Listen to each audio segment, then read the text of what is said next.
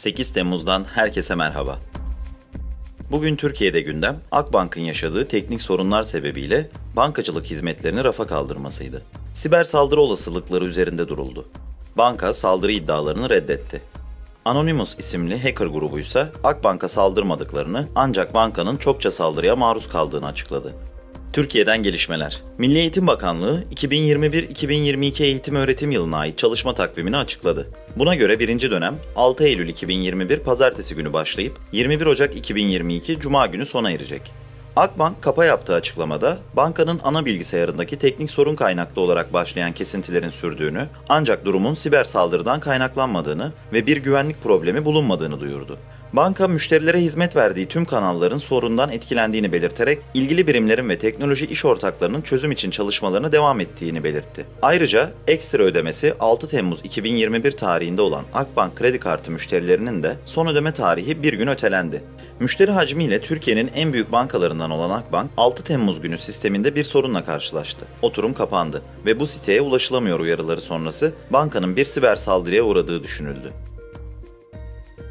Çiftlik Bank davası sanığı Mehmet Aydın hakkında çıkarıldığı mahkemede tutuklama kararı verildi. Aydın'ın poliste verdiği ifadede Çiftlik Bank projesini öncelikle bir internet oyunu olarak tasarladığını, kimseye kazanç vaadinde bulunmadığını, oyuna yüksek katılım olunca şirket kurmaya karar verdiğini savunduğu belirtildi. Anadolu Ajansı'nın haberine göre Aydın, sistemi Kıbrıs'ta kurduğu şirket üzerinden yönetmeye başladığını ve zamanla şarküteri ve çiftlikler açtığını söyledi. Bazı kişilerin para istemesi üzerine eşiyle yurt dışına çıktığını ve geri gelmediğini anlatan Aydın, yurt dışında bulunduğu süreçte de çeşitli ülkelerde firmalar açtığını, Türkiye'deki çiftlik bank işlerinin ise çalışanlarca yürütüldüğünü iddia etti. Dünyadan gelişmeler Singapurlu yetkililer özellikle Delta varyantına karşı etkinliğine dair yetersiz verilerden dolayı Türkiye'de de kullanılan Çin çıkışlı COVID-19 aşısı Sinovac'ı yapılan toplam doz aşı sayısından çıkardı. Fransa'da mahkeme, sosyal medyada İslam dinini eleştiren paylaşımlar yapan Mila isimli öğrenciyi sosyal medya üzerinden tehdit eden 11 kişiye hapis cezası verdi. Cezalar 4 ila 6 ay arası değişiyor. Hindistan Başbakanı Narendra Modi, 5 eyalette yapılacak kritik seçimler öncesinde kabinesinde büyük revizyona gidiyor. Kabine değişikliği öncesinde 12 bakandan istifa geldi.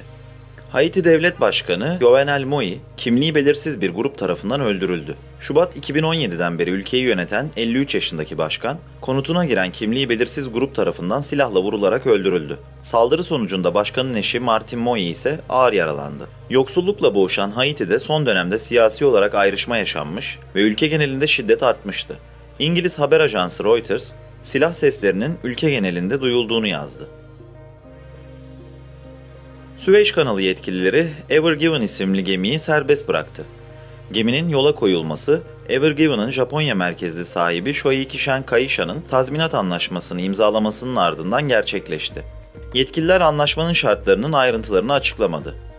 4 futbol sahası uzunluğunda dev bir konteyner gemisi olan Ever Given, küresel ticaretin %12'sini sağlayan Süveyş kanalında sıkışarak dünyanın en işlek ticaret yollarından birini tıkamıştı. Novus'la gelişmeleri dinlediniz. Hoşçakalın.